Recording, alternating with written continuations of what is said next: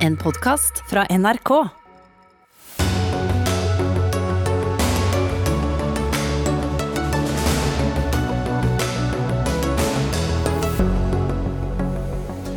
Jordmødres arbeidspress er så høyt at det går på pasientsikkerheten løs, mener Jordmorforbundet etter møte med tillitsvalgte.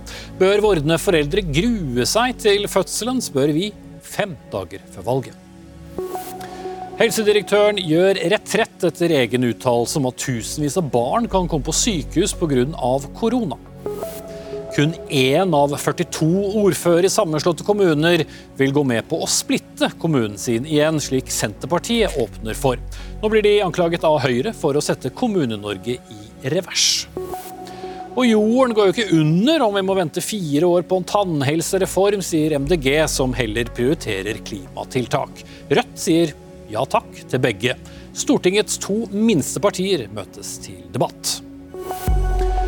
Da sier vi velkommen til Dagsnytt 18 onsdag med Espen Aas. Og det blir mye politikk i dagens sending, men vi skal også til den største rettssaken i nyere fransk historie, rettsoppgjøret etter Bataclan-terroren. Men først. Samtidig som statsminister Erna Solberg jo, som vi husker, oppfordrer oss til å føde flere barn her i landet, ja, så står de ansatte i slår de ansatte i fødselsomsorgen i helsevesenet alarm. Jordmormangelen er nå så akutt at det går på pasientsikkerheten løs, mener Jordmorforbundet. Og Sist eh, torsdag hadde forbundet møte med tillitsvalgte over hele landet. og Hanne Charlotte Schjelderup, du er leder i Jordmorforbundet, som også er en del av Norsk Sykepleierforbund, for de som lurer på den slags. I juni så varslet dere om at situasjonen var kritisk. Hva lærte dere om eh, situasjonen nå på dette møtet?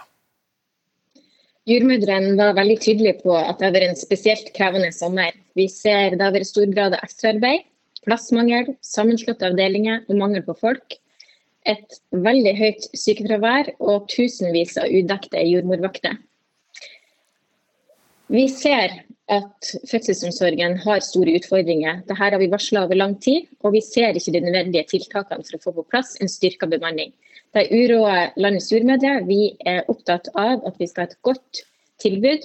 Eh, allerede i 2019 så varsla Riksrevisjonen om at jordmormangelen går utover pasientsikkerheten. Vi har ikke sett øremerka midler til å styrke fødselsomsorgen. og Det er alvorlig, for nå er vi i den krisen at jordmødre velger å slutte å forlate yrket pga. for høyt arbeidspress. Dette er vi nødt til å stoppe med øremerka midler, og vi er nødt til å ta affære nå. Men bare for å få det presisert, da mener du at dette går på sikkerheten løs nå? Jordmødre ser at vi har eh, strekt oss veldig langt i sommer, og de er tydelige på at dette går utover pasientsikkerheten. De tillitsvalgte har ønska tilsyn på flere av landets sykehus, deriblant Kalnes. Vi har såpass mange brudd på arbeidsmiljøloven som f.eks. i Stavanger. Der er det varsla 450 brudd på arbeidsmiljøloven i løpet av sommerperioden, og det er veldig høyt. Sørlandet har hatt 1168 timer overtid for landets jordmødre. 106 brudd på arbeidsmiljøloven, og sånn kan vi egentlig fortsette Det er flere av landets store sykehus. Det er alvorlige bemanningsutfordringer, og vi savner tiltak. Og vi savner at helseministeren bevilger nok penger i statsbudsjettene til et styrka fødetilbud som ble lova i fjor sommer. Men samtidig så kom det jo da en, en, rapport fra Helsedirektoratet i fjor som du også var med på. Eh, og Der ble det jo konkludert med at Norge er et av de landene i verden eh, som, eh, der vi har best fødselsomsorg, og at det er trygt å føde i Norge. Hvordan harmonerer rapportmedvirkeren deg og det du sier nå med hverandre? Den rapporten var veldig viktig. og den Helsedirektoratet slo fast i den rapporten at dagens finansieringsmodell ikke egner seg godt nok for fødselsomsorgen. Det var tydelige mangler. Derfor var helseministeren krystallklar på at fødetilbudet må styrkes og bemanninga eh, må økes. Der mistet du hodetelefonen. Jo, men spørsmålet var jo hvordan kan man i en rapport konkludere med at det er helt trygt å føde, og så står du nå her og sier at det går på pasientsikkerheten løs. Jeg tror veldig mange av de som hører og ser på, tenker på det som to helt forskjellige ting. Den rapporten ble ferdig i fjor eh, i mars. Siden den tid har vi hatt møter med våre tillitsvalgte. de eh, anbefalingene i rapporten er ikke implementert godt nok i praksis i foretakene. Det, grunnen til det er at det ikke er bevilget nok penger til å styrke fødetilbudet. Det koster penger. Og I statsbudsjettene så er ikke dette prioritert. Men hvis jeg stiller deg et direkte spørsmål på om det er trygt eller ikke og trygt å føde i Norge, kan du da svare kort? Vi ser at pasientsikkerheten er trua. Vi ønsker tilsyn på flere lands fødeavdelinger fordi at bemanningssituasjonen er alvorlig. Ok. Bent Høie, helse- og omsorgsminister fra Høyre nok en gang. Eh, hvordan svarer du på bekymringene fra tillitsvalgte og, og forbundet selv? Nei, Jeg forstår eh, bekymringen, for her er vi jo helt enige om utfordringen. og Det var jo bakgrunnen for at jeg ba om den rapporten og har bedt helseregionene følge den opp. Og Så har det vært ekstra krevende denne sommeren. Eh, det skyldes i hovedsak to ting. Det ene er at bemanningsutfordringene ble vanskeligere pga. pandemien. Så har en hatt større utfordringer med å få vikarer fra utlandet i løpet av sommeren. Og for det andre så er det den gode nyheten at det har blitt født mer barn i Norge. Det betyr at det har vært en hektisk sommer. Så jeg forstår veldig godt at eh, de ansatte på sykehusene har opplevd denne sommeren som ekstra krevende. Går det på pasientsikkerheten løs? Nei, Norge har en veldig god fødselsomsorg, blant de, den beste i verden. Og den har òg blitt bedre eh, under meg som helseminister. De som føder, eh, sier at de opplever dette som tryggere nå enn det de gjorde bare for noen få år siden og det er mindre skader og ulykker. Men jeg er helt enig eh, med forbundet i at eh, den kvaliteten den skal vi ikke ta for gitt. Eh, fordi det er mer avanserte fødsler nå. Arbeidshverdagen, spesielt for jordmødrene på de større fødeavdelingene, den er mer krevende. Så min klare beskjed til sykehusene er at grunnbemanningen skal opp, og det har de òg fått eh, penger til i budsjettene. Så, så, så, pengene er der, men det er ikke implementert? Det er ikke pengene dette har stått på. Det som har vært utfordringen, er en kombinasjon av at vi har hatt en pandemi, sånn at dette ikke har blitt uh, fylt opp så sterkt som det som jeg uh, ba om, og rett og slett at det er også utfordringen å få tak i jordmødre. En av årsakene til det er jo at denne regjeringen startet med det som var det viktigste da, nemlig å få opp en kraftig økning i antall jordmødre i kommunene, som vi har jo fått til. Mm. Men ikke helt, da. Ingvild Kjerkol, helsepolitisk statsperson fra Arbeiderpartiet. Hvis det nå er eh, dere som skal eh, lede regjering eh, om, om, om kort tid, må dere da endre på noe, eller er vi nå på riktig vei, slik Høie sier? Nei, vi må endre på flere ting. Vi må endre på finansieringa av denne delen av helsetjenesten. Det må være sånn at Eh, det normale forløpet, det uten komplikasjoner, er det som også premieres økonomisk. Eh, Utfordringa til Hanne Charlotte Sverdrup og hennes kollega er jo at vi har en, en finansiering som ikke bidrar til å styrke fødselsomsorgen. Eh, og det heller ikke styrker kvaliteten, og det er utfordrende. Og så er det ganske rart å høre en helseminister som har sittet i åtte år og skulle ha forvalta verdens beste fødsels- og barselsomsorg, som vi alle er stolt og glad for at vi har. Men fra 2015 til 2019 så ble jordmormangelen firedobla, fra 50 til 250 ubesatte stillinger i dag og kan ikke skylde på pandemien for det, altså. Nei, Skal vi ta det, det med en gang med, med Høie Kjerkol? Ta det med en gang. Hvordan forklarer du da disse 250 som mangler? Ja, det er utfordringer med å rekruttere, men det er ingen, ingen, tvil om at det er blitt betydelig flere jordmødre i den samme perioden, ikke minst i kommunene. Og Det er en målretta satsing. Nok, nei, og det, det som eh, er den største utfordringen nå, er ikke jordmødrene i kommunene, det er å få nok jordmødre i sykehusene, på fødeavdelingene. Og Det er jo sånn at eh, det som eh, Kjerkol tar opp med eh, om finansiering, det er jo å slå inn åpne dører. Men jeg har gitt Helsedirektoratet nettopp i oppdrag på bakgrunn av den rapporten som ble lagt sammen med de to jordmorforeningene, og, se på finansieringssystemet og foreslå endringer der. Mm. Så det går ikke an å forbedre det? Eh, jo, det går det absolutt an å forbedre. Men så tror jeg at vi må også få forståelse for at når direktoratet har brukt litt lengre tid på det enn det som vi så for oss våren 2020, så er det fordi at direktoratet har vært litt opptatt med en litt annen stor sak som de har vært nødt til å prioritere i denne tiden. Og Sånt er det dessverre under en pandemi. Selv om direktoratet har mange dyktige folk, så er det ikke sånn at de klarer å løse alle oppgaver under en pandemi. Men jeg er helt sikker på at direktoratet kommer til å gi et god anbefaling til hvordan finansieringssystemet kan endres for å møte de utfordringene som ble tatt opp der. Hvis eh, du sitter med makt eh, da, eh, Kjerkol, hvordan kan dere gjøre dette raskere? Nei, Vi vil endre finansieringsordninga så fort som mulig. Det må jo være kvalitetssikra endringer, sånn at vi oppnår det vi ønsker, nemlig å premiere kvalitet og sikre det naturlige, trygge forløpet for alle fødende kvinner. Men, hvordan blir det tryggere med å endre men, finansieringen, bare for å få forklart det? Hvordan blir det da bedre med å endre finansieringen? Det er fordi at da premierer du kvalitet i forløpet. Sånn som det fungerer i dag, så får man eh, innsatsstyrt finansiering, som det heter, ut ifra hvor mange skader og komplikasjoner man kan telle, og det er jo en helt feil logikk. Og så vil vi også, hvis vi får tillit, doble antall utdanningsstillinger. Jordmorforbundet har sagt at det trengs 100, og det er vi enig i. Og da må både, da må både ut utdanningsinstitusjonene leverer på det, men det er jo spesialisthelsetjenesten, sykehusene, som skal utdanne de her eh, spesialistene. Og da må vi jo styrke sykehusbudsjettene og ikke levere eh, kuttbudsjetter på toppen av det å ta igjen mye oppgaver etter pandemien, som helseministeren påpeker. Ta det med finansieringen. Ja, for det første, det er jo helt meningsløst når Arbeiderpartiet prøver å fremstille som om vi har levert kuttbudsjetter til sykehusene når sykehusene har hatt rekordvekst i sine budsjetter. Så det er jo Nei, men, men, men, det med endringen på finansieringen? Jeg må rett bare slutte å si det, for dette er en type retorikk som ikke stemmer i det hele tatt med virkeligheten. Eh, og For det andre, på finansieringssystem så er det jo sånn at uh, den innsatsstyrte finansieringen, hvis noen bruker den for å si at det lønner seg ikke å gi kvalitet på sykehusene, og da skal det varsles til Helsetilsynet, og det skal slås kraftig ned på. For det er en mulighet til å gjøre det? Eh, nei, det er ikke det. Det er ulovlig. Det er i strid med loven, og det er grovt hvis det skjer. Jeg har aldri hørt eksempler på at det skjer. Men det betyr ikke at vi ikke skal være åpne for å endre finansieringssystemet. Det oppdraget er gitt, og det er viktig at det gjøres faglig og kvalifisert på bakgrunn av gode råd fra, fra direktoratet. Så er mine ambisjoner for, for fødetilbudet i sykehusene at det skal fortsette å bli bedre. Og mens jeg har vært helseminister, så er altså tallenes tale veldig klar. De fødende er blitt mer fornøyd med fødetilbudet når jeg var helseminister enn når Jonas Gahr Støre var helseminister. Okay. Og kvaliteten med tanke på skader og alvorlige hendelser er blitt bedre med meg som helseminister enn med Jonas Gahr Støre som helseminister. Ja, Vi diskuterer jo litt to forskjellige, for det er jordmødre og antall skader, men eh, Kjerkol?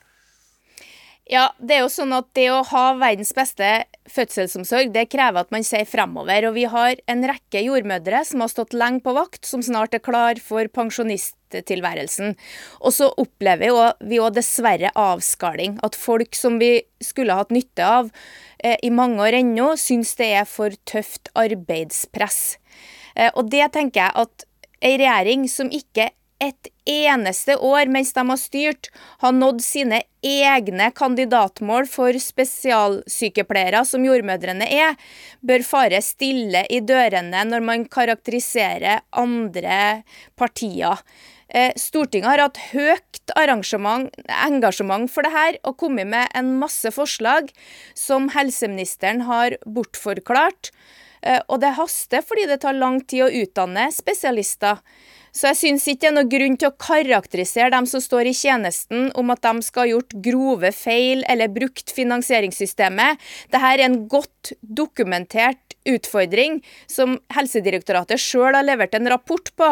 Og da trenger ikke helseministeren å karakterisere på den måten. Det syns jeg rett og slett er uhørt. Ok, hvordan til slutt, Høie, hvordan kan vi uh, forhindre at uh, flere slutter fordi de syns det er for slitsomt f.eks. å jobbe da, uh, eh, 20 vakter på rad uten en fridag? Det gjør det som jeg har gitt beskjed om skal gjøres, nemlig øke grunnbemanningen eh, på sykehusene. Og jeg forventer at eh, helseregionene nå, når en har fått eh, mer armslag etter at pandemien har roet seg ned, nettopp følger opp det oppdraget. Det kommer jeg selvfølgelig òg til å kontrollere at de gjør, sånn at det blir bedre bemanning. kan de gjøre det over natten? Ja, det må de jo da sørge for å gjøre, og det kan de gjøre. Og så har vi òg fra regjeringens side bidratt til at det er etablert flere jordmorutdanninger, bl.a. er det etablert ny jordmorutdanning i min hjemby Stavanger. sånn at det vil også bli utdanna flere jordmødre for å fylle opp denne oppgaven. Og Så er det òg viktig. Jeg mener det var riktig å prioritere først å bygge opp jordmortjenesten i kommunen, for det var det som var den store mangelen når vi overtok etter Arbeiderpartiet. Sette strekk der. Takk, vi, takk til uh, Ingvild Kjerkol, uh, som er med oss fra Trondheim, helsepolitisk talsperson fra Arbeiderpartiet, og Bent Høie, helseminister fra Høyre her i studio. Og vi hørte også Hanne Charlotte Skjeldrup eh, fra Jordmorforbundet. Og så blir Bent Høie med oss videre til neste sak. Men før vi går dit, så skal jeg komme med en aldri så liten rettelse fra gårsdagens sending faktisk på vegne av politisk redaktør eh, i Dagens Næringsliv, Fridtjof Jacobsen, som eh, ved en feil blandet sammen to Høyre-politikere, Anders C. Sjåstad og Anders Tallerås, da han snakket om politikere som hadde blitt dømt for å, for å motta urettsmessig for mye alderspensjon. Det riktige var at det var Anders Tallerås som ble dømt for bedrageri.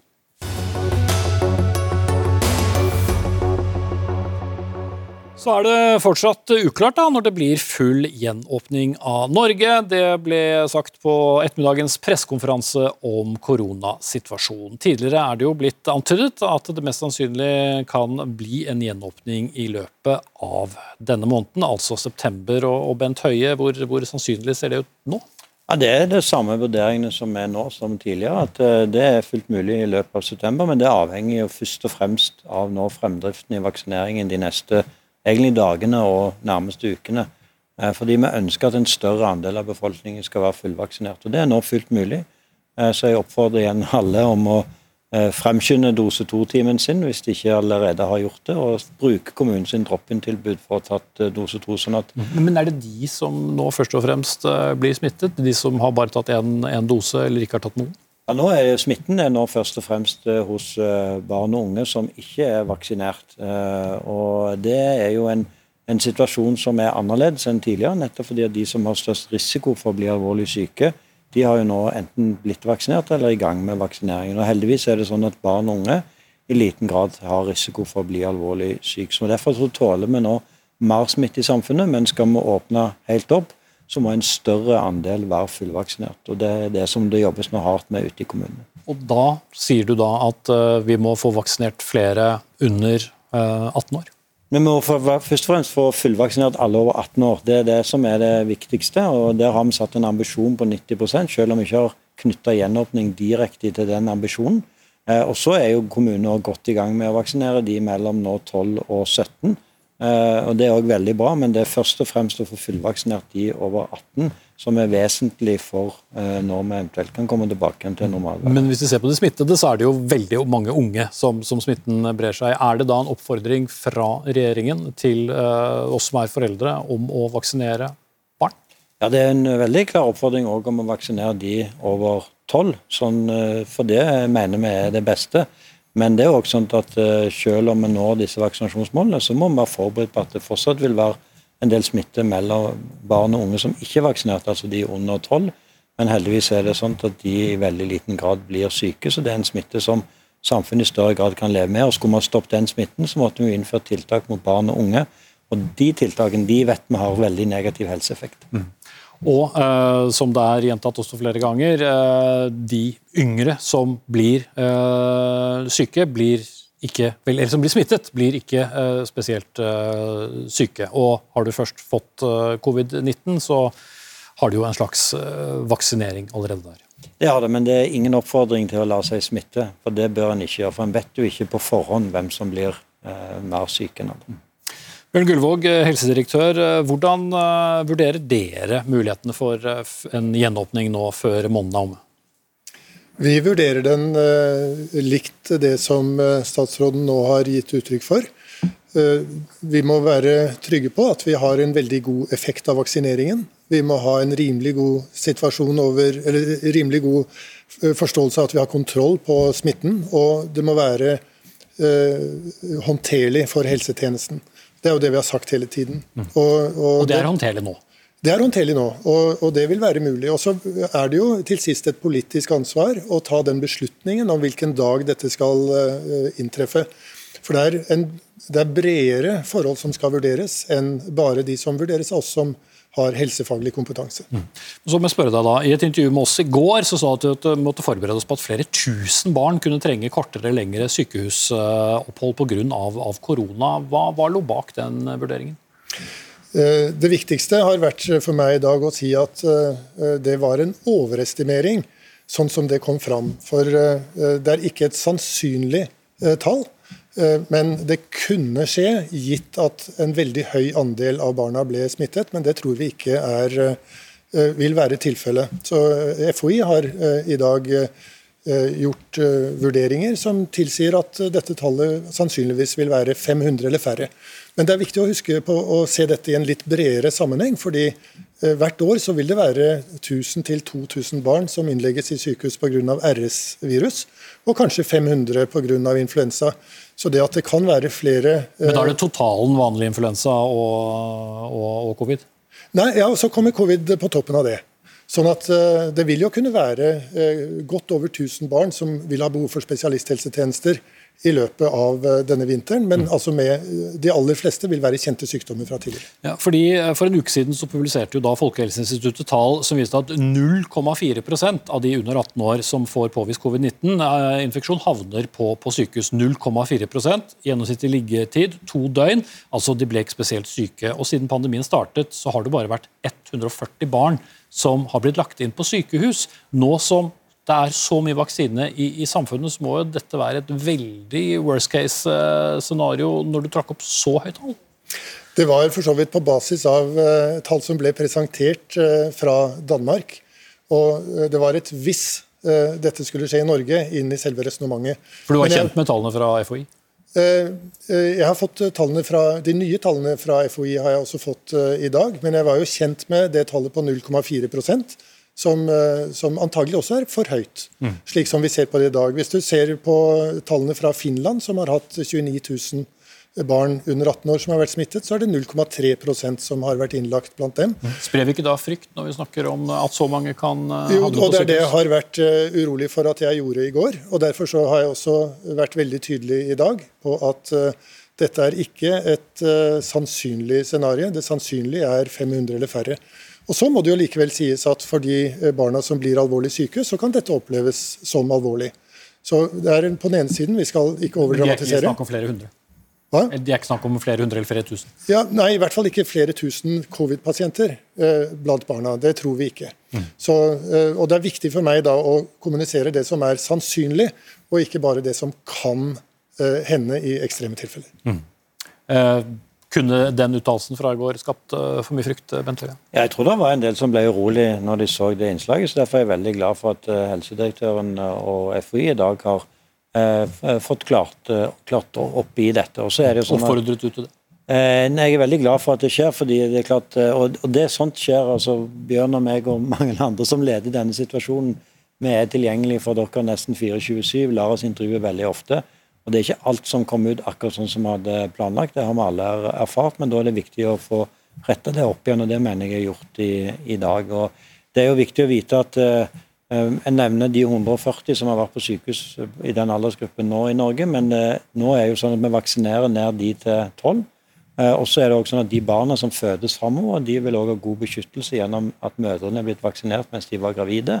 Så i den aldersgruppen 1 til til tolv år. Eh, så er det egentlig bare rundt tolv barn som har vært innlagt på sykehus gjennom hele pandemien i Norge. Mm. Da setter jeg strek der. Bent Høie, helse- og omsorgsminister, og helsedirektør Bjørn Gullvåg.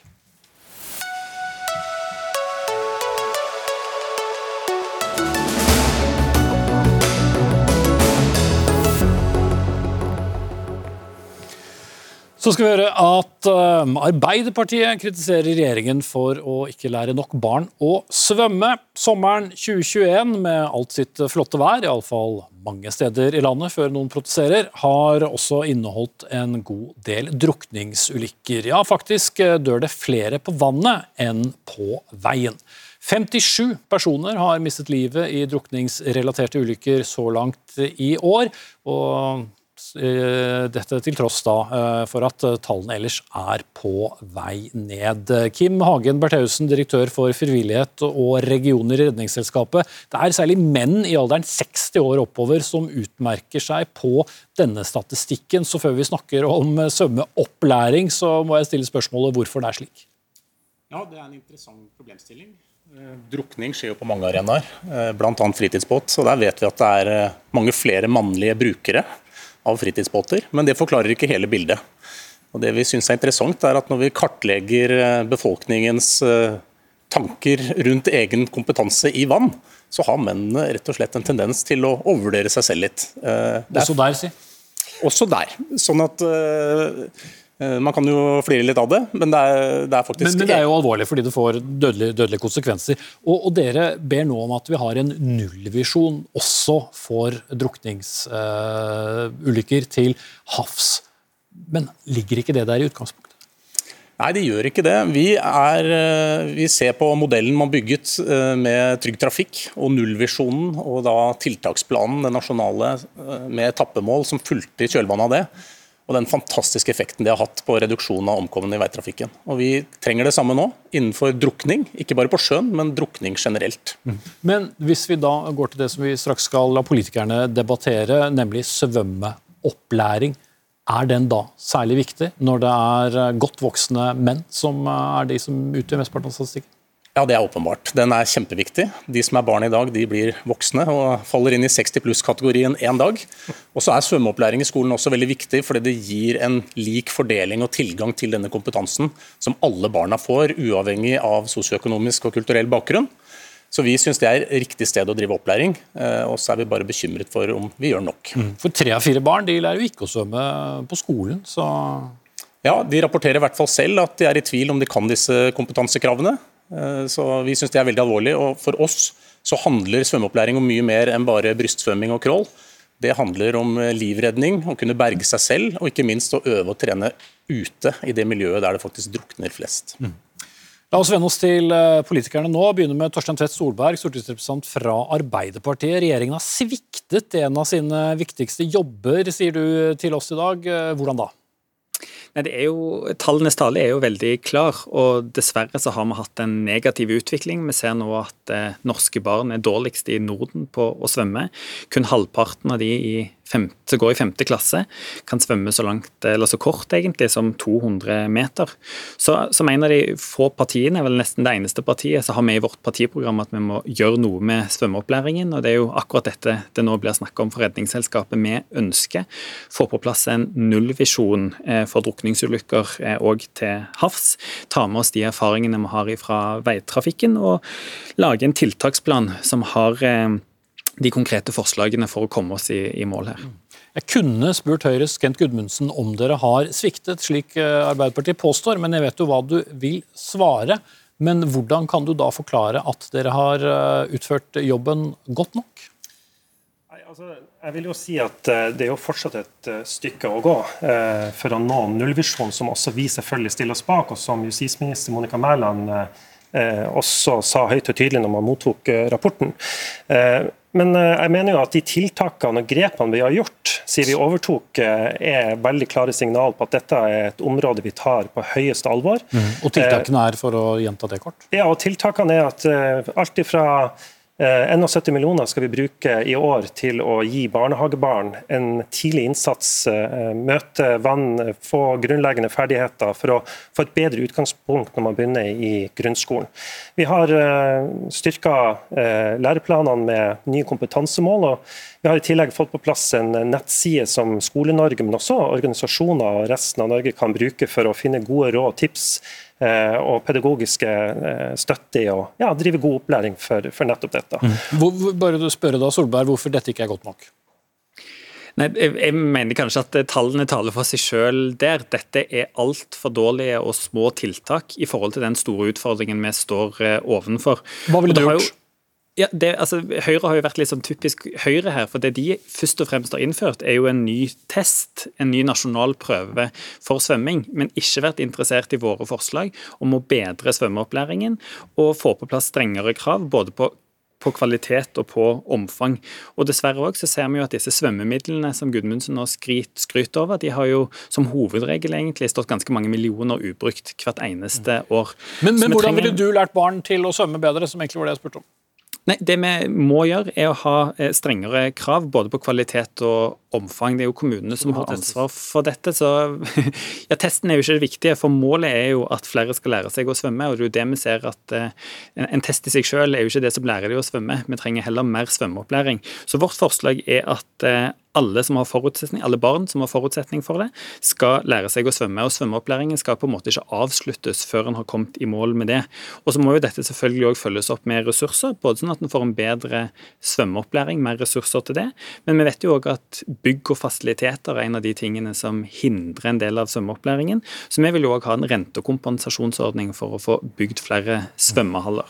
Oppfylling av svømmebasseng har vært en klassiker i valgkamper, men la oss ikke gå inn på det. Men, men Gudmundsen, hvis du svarer på eh, det som Arbeiderpartiet sier er deres løsning, hvordan er den annerledes fra ditt partis? Nei, altså, vi har, eh, altså, Rente er for det første ikke noe begrensninger for at det ikke skal bygges svømmebasseng der ute med dagens rentenivå. Så, så det synes jeg er et sidespor. Poenget er jo her at den prøven vi hadde i fjerde trinn nå, den er jo for å kartlegge hvor man står. Eh, så er det jo fortsatt kompetansemål i syvende trinn og i tiende trinn. Og Kommunesektoren og skolen har ansvar for å følge dette opp. og Derfor er det jo at vi har eh, starta tidlig, at vi har eh, laga denne nettressursen for at man skal kunne følge dette opp i Skole-Norge. Vi har oppfordra til at man skal bruke utendørs fasiliteter også, fordi drukningsulykker de skjer ute, ikke i trygge, varme svømmebasseng. Så det med å få en realistisk trening er viktig. Og Det å spille på lag med forbundene der ute er en av de verktøyene som vi har oppfordra kommunene til å ta tak i. Og så har vi brukt ekstra penger, for det, det er noe som jeg synes er litt viktig å få fram i denne debatten. Vi har altså en nedgang på 17 eh, ned til 57 drukningsulykker. Av de 57 så er det tre personer under 18 år. Og av de eh, som er under 18, hvis man ser historisk på det, så er det i all hovedsak de med eh, asiatisk eller afrikansk bakgrunn som har kommet hit til Norge. Det er ulik kultur, det er det er krevende rett og slett å, å, få en god og tidlig nok eh, innsats for, for denne gruppa. Så tallene egentlig forteller at uh, dere har gjort uh, god nok jobb? Nei, jeg sier ikke at vi har gjort en god nok jobb. fordi Jeg mener jo at uh, nullvisjonen ligger fast. Så enhver drukningsulykke bør være unødvendig. Men poenget mitt er å, å, forklare litt ut av tallene og hva er slags tiltak vi, vi bør sette inn. Og nettopp Derfor er det jo at vi også har en satsing på Eh, det å nå ut til minoriteter i forhold til svømmeopplæring. Eh, og det gjelder alle aldre, eh, for å få tidlig innsats også der, på, en gruppe som vi vet er overrepresentert i disse statistikkene. Men Hva savner dere Redningsselskapet utover denne nullvisjonen? Ja, Som nevnt så er jo vi veldig opptatt av å koordinere det drukningsforebyggende arbeidet nå. Vi etablerer en ny paraplyorganisasjon for svømmeforbund, padleforbund, redningsselskap for å jobbe koordinert og målretta. Og Der har jeg et tips til eh, begge politikerne her i dag. at eh, Hvis man skal få bukt med dette, her, så må vi jobbe sammen og koordinert i en sånn nasjonal tiltaksplan. Og Vi opplever i dag at eh, skoler, rektorer, skolesjefer i kommunene de ringer til oss og sier at vi har fått en oppgave, og det er å lære de livredning utendørs på 10. trinn. Det har ikke vi forutsetninger til. Vi har ikke våtdrakter, vi har ikke båter. Her trenger vi hjelp. Og Der står det en frivillig ideell sektor klar til å avlaste. Mm. Som sikkert også vil si at uh, dere gjerne vil ha litt uh, midler, men du skal slippe å si det. Jeg vil uh, si at jeg syns det er et veldig godt initiativ. og Dette er jo noe som vi er nødt til å følge opp videre politisk. fordi jeg syns Trygg Trafikk gjennom sine koordinerte, målrettede tiltak ute i regionene, opp mot kommuner, mot fylkene, og da spesielt mot skolevesenet, har gjort at man har fått virkelig god informasjonsflyt. Det er litt etter den stilen som var i UK her nå, Live to Float. Eh, vi har eksempler derifra som sier at eh, voksne har faktisk overlevd pga. den kampanjen. For de skjønte at OK, istedenfor å hyperventilere, skal vi legge oss på rygg, slå oss ut som en sjøstjerner og liksom puste rolig. Med, med Torstein Solberg om, om, om, han uh, kan gå så langt at han er enig med, med, med Høyres mann om at forslaget fra, fra Redningsselskapet her er en, er en vei å gå? Det er et veldig godt eh, forslag, og det understreker jo at vi trenger enda større ambisjoner om vi skal klare å komme i mål. Ambisjoner som Høyre de ikke har hatt de åtte årene de har styrt, og kanskje kommet på noe litt sånn i, i siste sving. Så jeg håper jo at eh, hvis vi vinner valget, at vi kan få skikkelig satt i gang den ambisiøse satsingen vi trenger her for å lære alle som har forutsetning for det å svømme. Da sier vi det sånn. Ofte fleiper vi med at uh, politikere er best på ro, men vi fikk i hvert fall snakke litt om svømming også. Takk skal dere ha. Da skal jeg nevne noe som kommer senere i sendingen. For Stortingets to minste partier, Rødt og MDG, har kjeklet i sosiale medier i dag om tannhelse satt opp mot klimatiltak. Hva er viktigst? De to partiene møtes til debatt mot slutten av sendingen.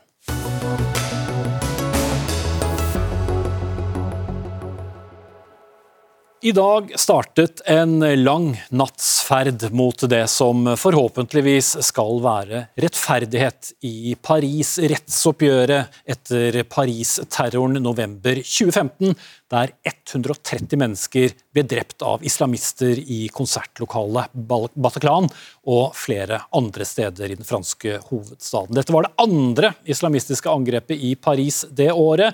og Europakorrespondent Simen Ekern, denne rettssaken den skal faktisk pågå frem til mai neste år. Hundrevis av advokater er eh, involvert, og et overveldende antall dokumenter. Hvordan blir gangen i denne rettssaken, som altså er den største i nyere fransk historie?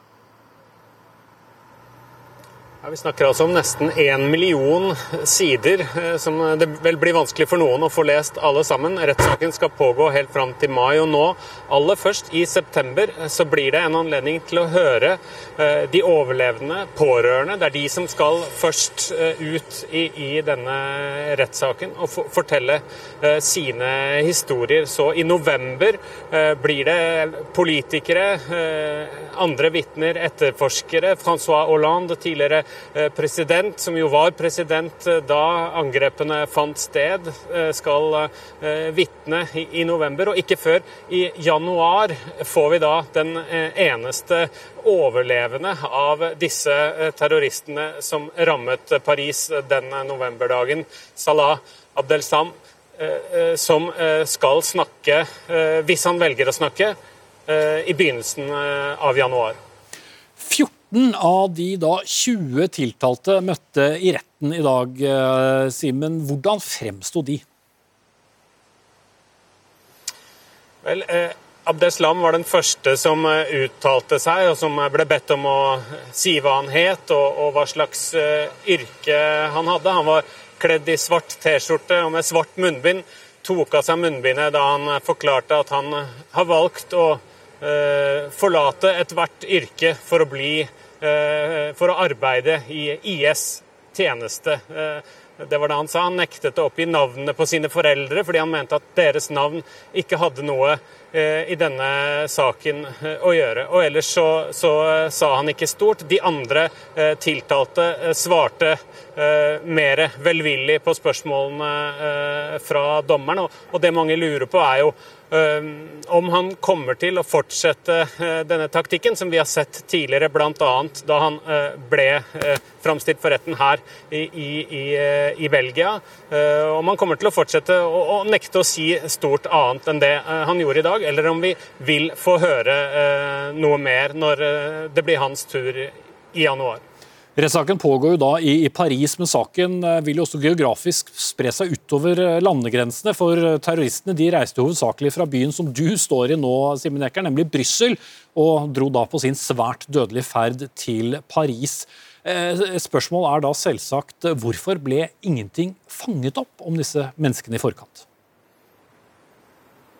Det eh, er jo det vanskelige spørsmålet, og Belgia og Brussels rolle i dette er vanskelig. Nå står jeg her ved en kanal som iblant omtales som en slags skillelinje i denne byen. På eh, høyre side her ligger bydelen Molenbeek, der eh, Abdeslam er født og oppvokst, og der flere andre av de involverte terroristene eh, bodde eh, hele sitt liv. Ikke minst var det også her de i månedene før angrepet planla det hele og kjørte herfra Eh, for å dra eh, til Paris. Og Det har naturligvis vært eh, et betent spørsmål for Belgia og for Brussel. Hvordan kunne de oppholde her, seg her så lenge uten å bli tatt, til tross for en god del konkrete tips? Hvordan var det mulig at den overlevende terroristen kunne holde seg skjult her i denne bydelen så lenge som han kunne?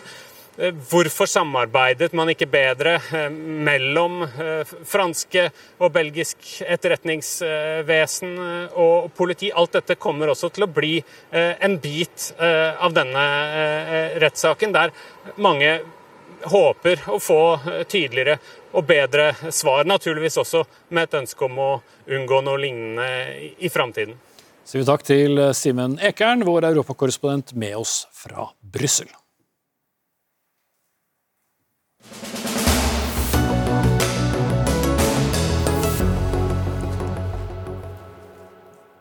Kommunesammenslåinger og mulige fremtidige kommuneskilsmisser er neste tema i Dagsnytt 18. For eh, hva vil egentlig skje dersom f.eks. Senterpartiet får bestemme nå etter valget? Regjeringens kommunereform, som er eh, diskutert mange ganger i dette programmet, har iallfall sørget for at 119 kommuner er blitt til 47. og Det har skapt eh, stor ståhei blant både innbyggere og lokalpolitikere underveis i prosessen. Marit Arnstad, stortingsrepresentant og parlamentarisk leder i Senterpartiet. Vil det bli en storstilt skilsmissebølge i Kommune-Norge hvis dere inntar regjeringskontorene? Altså, det er jo en av de ulykksalige tingene som har skjedd de siste åtte årene, at denne regjeringa har valgt å tvangssammenslå både kommuner og fylker. Og det er jo et, eh, for det første et overgrep mot lokaldemokratiet, men også sterkt sentraliserende eh, i mange av de eh, nye kommunene og fylkene som har blitt etablert. Vil dere endre det? Og Da vil vi gi dem en mulighet til å kunne oppløse den tvangssammenslåtte eller den tvangssammenslåtte kommunen eller fylket gjennom da en del sånn prosessuelle ting som vi har nedfelt i vårt program. Mm. Adresseavisen, eh, som eh, jeg tror du leser eh, støtt stadig, kunne nylig da melde at kun én av 42 ordførere i nye kommuner vil gå med på å splitte kommunen tilbake igjen. Så da er vel jobben gjort, egentlig? Ja, altså På noen av de kommunene så var det jo litt å slå inn åpne døra, da, vil jeg si. Altså det, hadde Ålesund. Og Det er jo ikke forventet at Ålesundsordføreren vil oppløse en kommune. Hun er jo på en måte drivkraften i den store kommunen, som er tvangssammenslått med flere andre små kommuner. Eller Kristiansandsordføreren, han er jo den store broren i en tvangssammenslåing på Sørlandet. Det er ikke rimelig at, på spør, det, det er ikke rimelig at storebrødrene nødvendigvis vil ut av uh, tvangssammenslåinga, men det kan hende at uh, lillesøstrene og lillebrødrene vil det. Mm. Så er det brukt penger i kommuner og, fylker på kommunevåpen, logoer og, litt av hvert. Og så må man kanskje vurdere om man skal da gå fra uh, hverandre igjen. Du sier at dette i så fall skal skje etter gitte rammer eller prosesser. Hva, hva, hvordan kan en sånn prosess uh, se ut? Jeg tror det er veldig ulikt hvor mye penger det faktisk er brukt. Altså I de to fylkene som er tvangssammenslått, altså Troms, Finnmark og i Viken, så har jo de fylkesrådene som sitter, valgt å bruke lite penger. Mm. Nye, ok, Vi kan ta pengene etterpå, men hvis vi snakker om prosessen da, for, ja. for, kommunene, hvordan ser du for deg en eh, eventuell sånn skilsmisseprosess kan skje? For det skal vel da kanskje være frivillig å gå fra hverandre? Ja, altså her ser jeg for meg at den av de kommunene som har blitt tvangssammenslått, da, hvis det er en av dem ønsker ut, så bør vedkommende kommune få mulighet til det, og også få hjelp fra statsforvalteren til å da eventuelt arrangere en folkeavstemning i den aktuelle kommunen. Det, det som en gang var en kommune, ja, eller hele kommunen? Ja, det som en gang var en kommune. Og Hvis den kommunen da har en folkeavstemning, og et klart flertall av befolkninga i den kommunen sier at den vil ut av tvangssammenslåinga, så skal også kommunen få mulighet til det. Mm. Selv om det da vil være et flertall, kanskje, i storkommunen, den sammenslåtte kommunen, som vil være imot det? Ja, fordi at Hvis at du lar den store kommunen bestandig avgjøre dette, her, så vil det aldri skje noen oppløsning. Da vil bestandig storebror bestemme. Men det som er tvinga sammen altså Av og til så er det best å forlate eh, frivillig, og at de mindre får lov å forlate. og Det tror jeg en sånn ordning kunne ha bidratt til. Og Vi har jo gjort det før. Det er også viktig å huske på det her. høres sikkert for noen litt vanskelig ut, men vi har gjort det før. Etter alle store runder med kommunesammenslåing i Norge, så har du hatt en del oppløsninger av kommuner. Nikolai Astrup, kommune, kommunal- og moderniseringsminister fra Høyre. Er det aktuelt for dere, hvis dere beholder makten, å åpne for en tilsvarende prosess som, som Arnstad snakker om her? Ja, Det er jo en åpning for dette i dag, og Stortinget har vedtatt helt tydelige rutiner for hvordan en oppløsning av sammenslåtte enheter skal foregå. Foregår det akkurat som Marit Arnstad beskrev? Nei, fordi at den gamle kommunen eksisterer jo ikke lenger. Så det er basert på at den nye kommunen tar et initiativ, eh, og at de sender en søknad som det så, så er naturlig... Så den nye kommunen som den store helkommunen? Ja, som det så er naturlig at Stortinget behandler. Og det, Dette er en inndelingslov som eh, Senterpartiet så vidt jeg vet støttet da den ble vedtatt i sin nåværende form i vel 2017. Eh, og Som nettopp handler om at det skal være en mulighet både for å slå seg sammen, men også for å løse seg opp. Så Det, det er i og for seg ivaretatt, men jeg tror ikke dette kommer til å være en veldig stor problemstilling. Fordi eh, det jeg i hvert fall møter når jeg er ute og reiser og snakker med kommunepolitikere, så er det at eh, de er ganske fornøyd med å ha slått seg sammen. Jeg var f.eks. i Indre Østfold kommune for ikke så lenge siden. De har spart 100 millioner kroner på administrasjon. Låter tilfeldigvis noen som var fornøyd? Ja. Uh, ja, men De er veldig fornøyd, men de har også hatt en veldig god prosess. Uh, og dette ikke, det handler ikke om kommunelogo. Ikke dette er en kjempeprosess å få da i dette tilfellet fem kommuner til å jobbe som én. Man har en klar funksjonsdeling mellom de gamle kommunesentrene. Man bygger sammen fagmiljøer. Og eh, jeg tror jo at Det var ingen politikere der, heller ikke fra Senterpartiet eller fra Arbeiderpartiet, eh, som eh, nå var for å løse opp Men, men det er jo en ganske vesensforskjell ut fra det du snakker om og det Marit Arnstad snakker om. For hun sier at de som tilhører en kommune som kanskje ikke ville være en del av den kommunen, skal få litt mer spillerom. Hvis det er et rød-grønt flertall, så vil det også være et annet flertall på Stortinget som kanskje har en annen holdning til uh, kommunesammenslåingene enn det flertallet som er her uh, i dag. Uh, så det er vel egentlig ikke helt like ting dere snakker om? Altså, vi, det hun snakker om er at vi bør ha et system der den gamle kommunen bør få lov å si sin mening helt uavhengig av hva den nye kommunen mener. Vel, De gamle kommunene eksisterer jo ikke lenger, så det er veldig vanskelig å få til sånn rent praktisk. Og Det må være det nye kommunestyret som fatter et vedtak om det skal være en folkeavstemning. Eh, men som sagt, jeg tror ikke dette kommer til å være en problemstilling. fordi at eh, Verden ser helt annerledes ut nå enn det den gjorde på 60-tallet, da dagens kommunestruktur så dagens lys. Mm. Men det var ikke 60-tallets kommunestruktur jo, som vi skal tilbake til? Det er jo det vi har reformert. ikke sant? Og, og, Det er mye mer komplekst, de oppgavene som kommunene skal løse. Og jeg tror snarere at flere nye kommuner kommer til å se behov for å slå, slå seg sammen, okay, men, enn eh, at det blir behov for å oppløse de gamle. Altså, det, virker som dere har hatt en litt annen Vi mener at det er nødvendig å gi noen nøkler for at de tvangsekteskapene kan oppløses. fordi at vi tror at enkelte av dem kommer ikke til å bli vellykka i det lange løp. Så er jeg enig i at jeg er usikker, også usikker på hvor mange det blir. Men det jeg vet er at hvis at Høyre får fortsette i kontorene, så kommer jo kommunereformen til å fortsette. Da kommer det jo fortsatt til å få nye sammenslåinger. Eh, og Høyre kommer, er jo kjent for at de heller ikke er fremmed for å foreta sammenslåinger dersom det er nødvendig, og dersom de synes det er nødvendig. Mm. Så Det er en stor og avgjørende forskjell mellom oss og Høyre i regjering. Det må jeg få lov å svare på. Ja, jeg vil heller at vi kort kommer innom to fylker også, ja. nemlig Viken og Troms og Finnmark, som dere gjerne vil eh, tvangsoppløse, eller skal få muligheten til å gå, gå fra hverandre.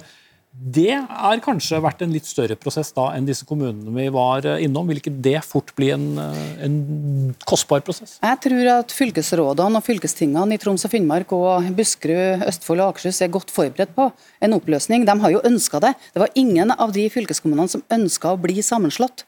Og de har jo hele veien vært imot det. Sånn at jeg tror at De er godt forberedt på en prosess der du også skal løse opp de fylkene og få tilbake Østfold, Akershus og Buskerud, Troms og Finnmark. God godt eh, lokaldemokrati i så fall?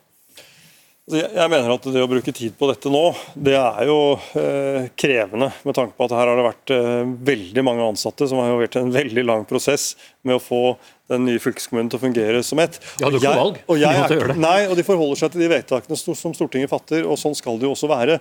De som har motsatt seg det, å gjøre det, er jo Troms og Finnmark, som holder seg med dobbel administrasjon, og istedenfor å prioritere da tjenester til innbyggerne, prioriterer da å forberede seg på et brudd. Det får være deres valg, det er ganske spesielt, men likevel.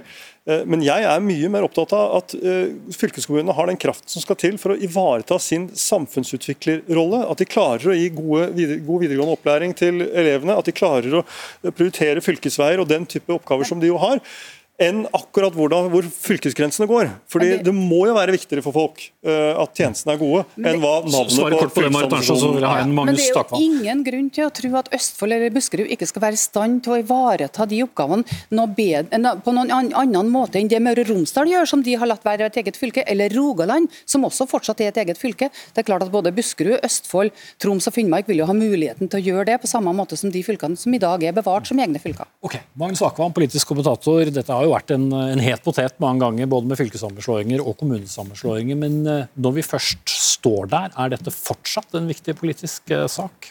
Det er klart eh, For Senterpartiet og for en del av de som uh, følte seg overkjørt i denne prosessen, så er det en viktig sak. Um, og er, Man må på en måte skille mellom føler jeg, eh, la oss si, den regionreformen som var veldig kontroversiell, særlig det kartet som ble tegnet til slutt, med Viken og Troms-Finnmark, og sånn som dere er litt inne på. Men det, det, har nå da eh, skjedd. Og så er spørsmålet som man er uenig om her, er om eh, det er anledning for eh, en tidligere eventuell kommune i en sammenslått ny enhet, eller et tidligere fylke som Østfold eller, eller lignende på egen hånd å tre ut av, av, den nye strukturen. Det er kontroversielt, og der tror jeg eh, Senterpartiet står nokså alene på, på den rød-grønne siden om akkurat det synet. Ja, altså, det blir jo sikkert eh, en forhandling, men det er eh, det er jo slik at Da tror jeg også Marit Arnstad og Senterpartiet vil, vil se og mene at loven, kommuneloven osv. må endres for å få til det. Det er ikke eh, uten videre enkelt med dagens lovverk å gjøre det. Men så er det et, et, det som kanskje er interessant for folk flest, er eh, hvilke konstruksjoner eh, lever farlig her. Da. Det, er, det er kanskje det som, som, folk er opptatt av. Hvor er det sannsynlig at man kan oppleve en, en oppløsning? Og Da er det klart at både Troms, Finnmark og Viken er, er aktuelle. Mm. Eh. Men, men, hvis uh, vi nå ser på den uh, reformen som vi har hatt, det var jo en viktig sak for Høyre å få slått sammen kommuner. Mm. Ble det en suksess? Ja, delvis, vil jeg si. Jeg, jeg, føler nok at den regionreformen med fylker var eh, ingen suksess. Særlig de fylkene som, har, har, som, det nå skal vi si, er mest eh, konflikt om. Så er det klart at eh, en god del av, de frivillige prosessene som skjedde, har gått greit, og det har festet seg. Eh, men som sagt, det spennende nå tror jeg rett og slett er om Eh, hva som skjer etter valget hvis det blir en, en rød-grønn valgseier. Eh, da må eventuelt en ny regjering tror jeg, gi en frist. Altså Man kan ikke bare liksom, eh, i det uendelige ha en vurdering i disse kommunene. Man må, må bestemme seg for lovverket, prosedyre, gi de en frist til eventuelt å, å søke om å, å, oppløse vedkommende fylke eller kommune. Og Så får man se hva som skjer. Mm. Det blir. Takk skal du ha, Magnus Akvam. Takk til Marit Arnstad fra Senterpartiet og Nikolai Astrup fra Høyre.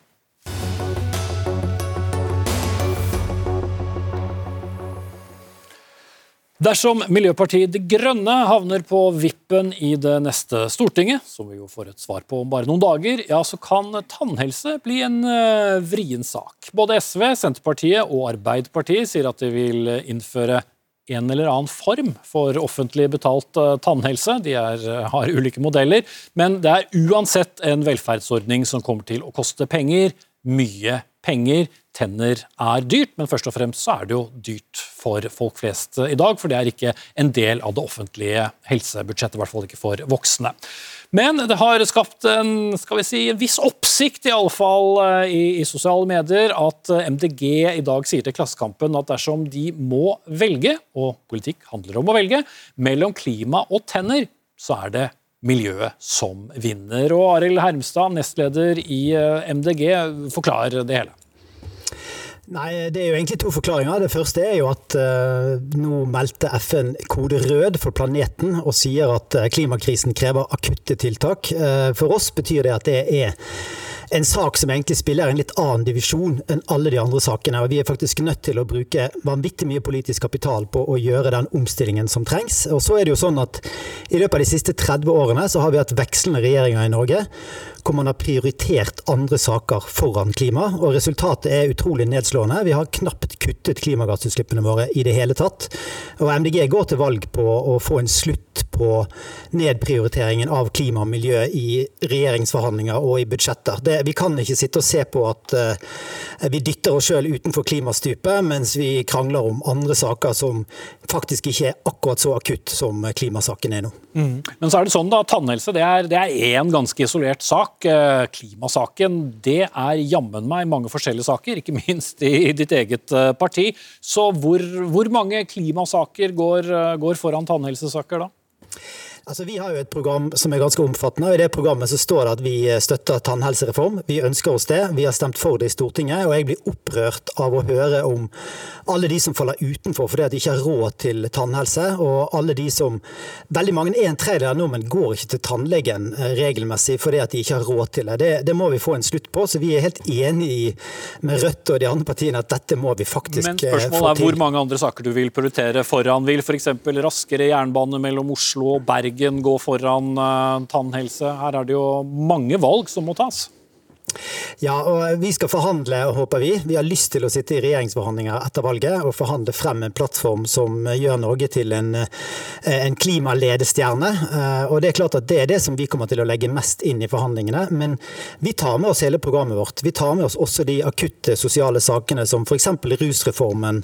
Eh, vi tar også med mange av de andre kravene vi har for å løfte de aller fattigste i Norge inn i de forhandlingene. Og Jeg sitter ikke og deler ut verken seier eller nederlag til oss sjøl eller andre på forhånd. Mm. Ja, jeg vet ikke hva slags svar dette ble, men Seher Aydari, stortingskandidat for Rødt da, i, i, i, hovedstaden. Eh, hva, hva, tenker dere om, eh, om, dette som er kommet fra, fra MDG i dag? Jeg syns det er litt rart å be folk som har eh, levd med lidelser og smerter år etter år fordi de ikke har råd til å gå til tannlegen, om å vente. Altså, de har venta lenge, og de har venta i mange år. Du kan fortelle Torgeir, som har bare tre tenner igjen, som er uføretrygda, som ikke har 150 000 kroner til å fikse tennene sine, om å vente, men det går jo ikke. Vi må ha større ambisjoner etter åtte år med høyreregjeringen, som har kommet med skattekutt, økte forskjeller, mer privatisering, så må vi både kunne gå inn for kraftfulle tiltak for å kutte klimagassutslippene, men ikke minst for å faktisk få ned forskjellene. Jo, men all politikk handler jo om å velge. Har ikke, bare, har ikke MDG her da bare foretatt eh, et valg som, som dere ikke gjør? Dere sier bare ja takk, som eh, en bjørn også sa? Vi har jo vært veldig tydelige på at vi har noen krav. Vi har fire konkrete krav som vi mener at en ny regjering må levere på. En av dem er å få ned forskjellene, sånn at vi faktisk klarer å øke skatten for de rike og finansiere tannhelsereform, sånn at alle får gratis tannhelse. Det andre er kraftfulle tiltak på klima. Og jeg kan si det allerede nå, at Vi kan jo ikke støtte en regjering som ikke leverer på disse to viktige områdene, ved siden av profitt og velferd, og at mm. eh, EØS ikke kan ødelegge arbeidslivet vårt. Hermstad, eh, det er litt vanskelig å vite hvor på din prioriteringsliste da tannhelse står? Altså, vi har jo vært tydelige. Altså, det vi gjorde, var jo å svare på et spørsmål uh, som eh, vi ofte får som politikere. Uh, hva er det dere vil prioritere aller øverst i forhandlingene? Uh, og Da syns jeg man skal være ærlige og si, si, hva som er saken. Jeg har selv sittet i budsjettforhandlinger og i forhandlinger om plattformer, og jeg vet at du får ikke alt sånn som du vil. Og... Nei, da, men Klimasaken kan gå omtrent i alle budsjetter på, på Stortinget. Det er jo ikke ett budsjett alene. Ja, men altså, det, det, som har vært Problemet med klimasaken er jo at vi har prioritert den eh, ned til fordel for en haug med sosiale reformer veldig veldig lenge. Og eh, Jeg mener at eh, hvis vi venter med å prioritere klima i fire år til, så er vi i ferd med å miste hele tidsvinduet. Og Da, eh, da blir, eh, Hvis du ser det i et 40-50 års perspektiv, så blir veldig mange av de andre sosiale sakene vi snakker om, ganske uinteressante. For det handler om å ta vare på livsgrunnlaget vårt. Og det handler om å ta vare på fremtiden til våre barn og unge. Og vi må ikke sitte og, og late som om eh, alt er like viktig. Jeg syns at vi, eh, vi okay, skal da, Vi skjønner poenget, vi har bare noen minutter igjen, så la Aydar få svare. Jeg syns det er litt kunstig motsetning, for du må ikke velge mellom sosial rettferdig politikk eller klimapolitikk. Det er fullstendig mulig å gjøre begge deler. Og det er ikke sånn at Når du lager statsbudsjett, så er det svart-hvitt. Du kan faktisk både få ned klimagassutslippene og finansiere tannhelse. For eksempel, Gjør ingen av dem på fire år. For eksempel, for eksempel, Rødt sier jo at vi kan øke selskapsskatten. altså De rikeste skal betale for gratis tannhelse. Da kan kanskje vi sørge for at de rikeste ikke har råd til privatfly lenger da, og slipper ut alle disse klimagassene som de gjør allerede nå. Det er faktisk også noen eh, klimatiltak som ikke kommer til å komme til syne i statsbudsjettet, som f.eks. å forby privatfly eller å stanse og lete etter olje. Sånn at det er mulig å gjøre begge deler, og vi er nødt til å gjøre det. fordi hvis vi skal ha med oss folk i klimakampen, så må den være rettferdig, og den må få ned okay. forskjellene. Hermstad. Altså, jeg jeg syns det er en helt ærlig sak hva man vil prioritere. og Jeg har hørt uh, Bjørnar Moxnes si at han vil prioritere å løse fattigdomskrisen foran klima. og Det syns jeg er en ærlig sak. Jeg har ikke tenkt å gå ut mot han for det. Men jeg opplever det ganske kunstig at når vi to partiene er enige både om tannhelsereform og klima, uh, så det, bør vi jo prioritere å få det gjennom på de partiene som ikke vil være med oss på det, og ikke late som om vi er veldig uenige her. Vi, vi ønsker bare å være tydelige på hva er det vi mener er den aller viktigste saken i dette valget, som må være et klimavalg. Men dere peker jo da begge på eh, Jonas Gahr Støre som neste statsminister. Støre har jo veldig mange ganger da pekt på at han eh, Eller har advart, snarere enn pekt på, ensakspartier. Har dere nå akkurat eh, sagt at vi er et ensaksparti? og da får heller Støre peke på Rødt hvis han trenger eh, samarbeid med en av dere? Nei, vi, vi, går til valg på eh, et program på 150 sider med veldig mye omfordelingspolitikk, mye god næringspolitikk, eh, masse god klimapolitikk, samferdselspolitikk, bypolitikk. Og vi er et grønt parti som har søsterpartier i hele Europa som jobber med hele, hele fjøla av politiske saker. Så det er en misforståelse. Og vi styrer jo sammen med Arbeiderpartiet i en rekke byer rundt om i landet. Uten at det helt har, ser ut til å ha sjarmert Arbeiderpartilederen. Øye for øye, tann for tann blir det uansett eh, etter valget. Uansett eh, hvilket parti eller partier som skal styre. Takk til Lara Heimstad og Seher Aydar. Dagsnytt 18 er ferdig for i dag. Eh, Det var Espen Aas som var i studio, og Gro Arnberg som var ansvarlig for innholdet. Vi ses igjen i morgen.